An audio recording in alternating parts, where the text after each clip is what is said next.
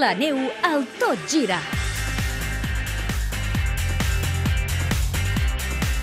Xavier Palau, bona tarda. Què tal, Montse? Ja ho veus, avui Bona anem a, tarda. a preu fet, eh? Anem a preu fet, un tema darrere l'altre, hi han poques competicions en joc, però tenim molta feina. Que avui hi ha un partidàs, eh? Un autèntic avui, partidàs avui autèntic partidàs. En tot cas, estem repassant aquests dies una mica els aspectes previs als Jocs d'hivern de Sochi, que s'han de fer d'aquí un parell de mesos, Al mes, mes i de mig. febrer, sí, del 7 al Exacte, estan a 23 de punt de, febrer. començar i avui volies parlar d'aspectes relacionats amb la seguretat d'aquests Sí, Jocs. perquè és una autèntica obsessió pel país rus, sobretot pel primer ministre, en aquest cas pel que mana a Rússia, que és Vladimir Putin, i, i la referència més immediata és d'un atemptat que ha Que ha passat hagut aquest migdia a només 700 quilòmetres de Sochi.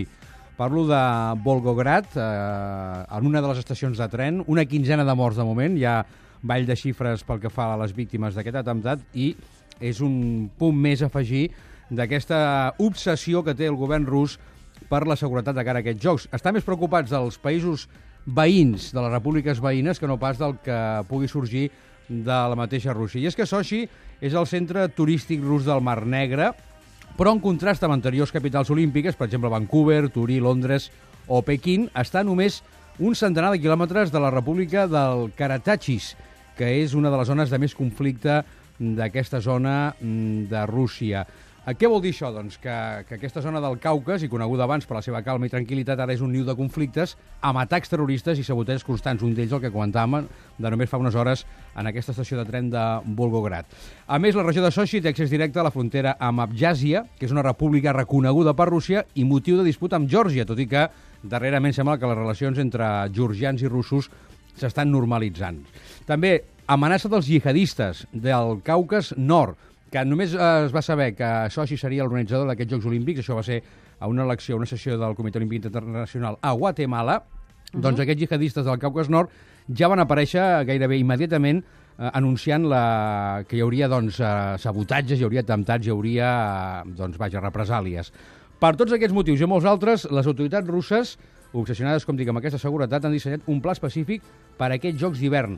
I és un pla que permet tenir més autoritat per introduir zones controlades, zones restringides, dispositius de controls d'identitat que no s'havien vist mai en uns Jocs Olímpics. És a dir, que el que prepara Rússia per aquests Jocs Olímpics d'hivern va més enllà que qualsevol mm, dispositiu de seguretat que s'hagi doncs fet mira fins que ara jo tant vaig anar a uns Jocs Jocs Olímpics d'estiu, els de 2004 a Atenes, i allà els controls van ser realment exhaustius. Per tant, si ho són més, vol Res dir que a seran veure- molt i molt res a veure. eh, complicats. Mira, eh, et, et puc detallar més coses. Hi Digues. haurà més de 30.000 agents de policia i efectius de l'exèrcit desplegats per protegir la ciutat.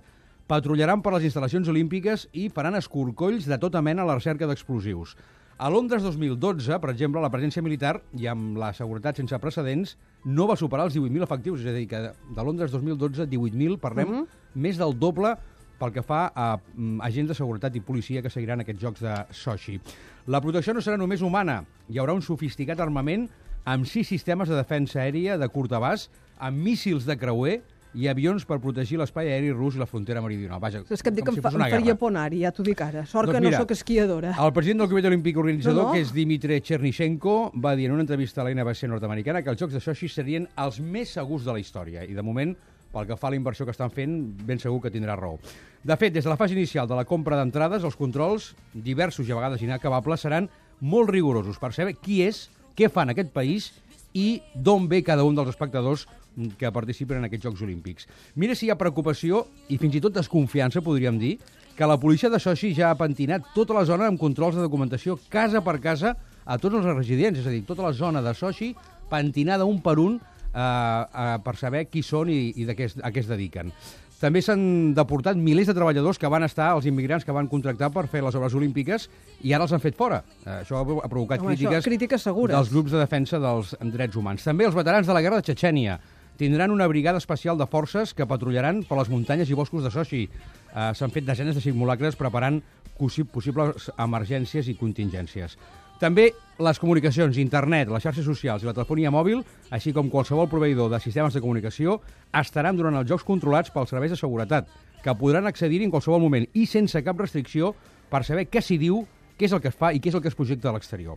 El govern ja ha instal·lat unes 5.500 càmeres de, de circuit tancat per a tot Sochi i ha comprat una flota de drons, que són aquests vehicles Sí, aeris sí, que que no de tenen tripulació, Mhm. per detectar a l'instant qualsevol intent de protesta o reivindicació. Una obsessió total i absoluta, i això, si t'ho tradueixo en diners, saps No, val no- la no vull ni imaginar, seguretat d'aquest joc? No parlem de molt. l'organització, Mhm. sinó la seguretat. Doncs mira, uns 1.400 milions d'euros és el que li costarà a Rússia organitzar pel que fa a la seguretat d'aquests jocs de Sochi. No m'ho puc ni imaginar. En tot cas, aquests dies n'anirem parlant a Catalunya Ràdio, evidentment. També parlarem d'altres aspectes relacionats amb els Jocs de Sochi. Veure Sí, si i, no, i, si ha, i, i notícies que pugui haver del, del món de la neu i del gel, que evidentment, a mesura que ens acostem a aquesta cita olímpica, segurament que n'hi haurà i d'interessant, sobretot per veure quins esportistes catalans finalment hi participaran. Els dels domèstics ens, ens apreten perquè ja volen fer l'últim domèstics de la temporada, però acabem amb una mica amb un somriure. Eh? Ens hem posat molt seriosos, però l'espai de la neu també té regals. Sí, la primera, n'hi n'hi haurà un cada setmana, eh? regals de molta entitat, uh -huh. com ja explicàvem la setmana passada. La pregunta que havia fèiem en el primer regal d'aquesta temporada era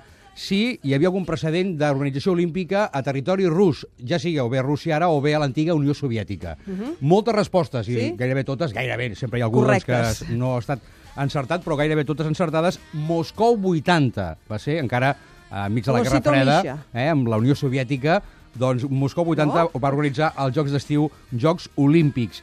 La guanyadora, en aquest cas, és una noia, és Mireia Penyarroia, de Girona, que s'endú aquesta, aquesta roba tèrmica de samarreta i pantaló Dodlo, que és uh, aquesta primera capa que sortejàvem al primer regal d'aquesta secció de neu. Si et sembla, podem llançar ja la segona pregunta. Sí, fes-ho ràpid perquè ja et dic, tinc els domèstics a punt, a punt, a punt. Doncs molt ràpid. Eh, quantes medalles va sumar l'equip rus que va participar als Jocs Olímpics de Vancouver fa 4 anys, el 2010? No en sé. total, Jo no or, sé. plata i bronze, quantes medalles, el nombre exacte de medalles de l'equip rus en aquests Jocs de Vancouver, Jocs d'hivern del 2010. Els guanyadors, el guanyador o guanyadora eh, d'aquesta Què segona pregunta, donaràs? doncs hi haurà un regal, un pack de bars, que és una marca holandesa de guants, de gorros i, i bufandes, que Mhm. es pot veure al Facebook, de seguida el Costa Freda ho penjarà, ja a partir d'ara mateix, i diumenge que ve farem el sorteig d'aquest eh, segon regal de la temporada de neu i gel al Tot Gira. Gràcies, Xavi. Fins Fins, ara, Montse. després.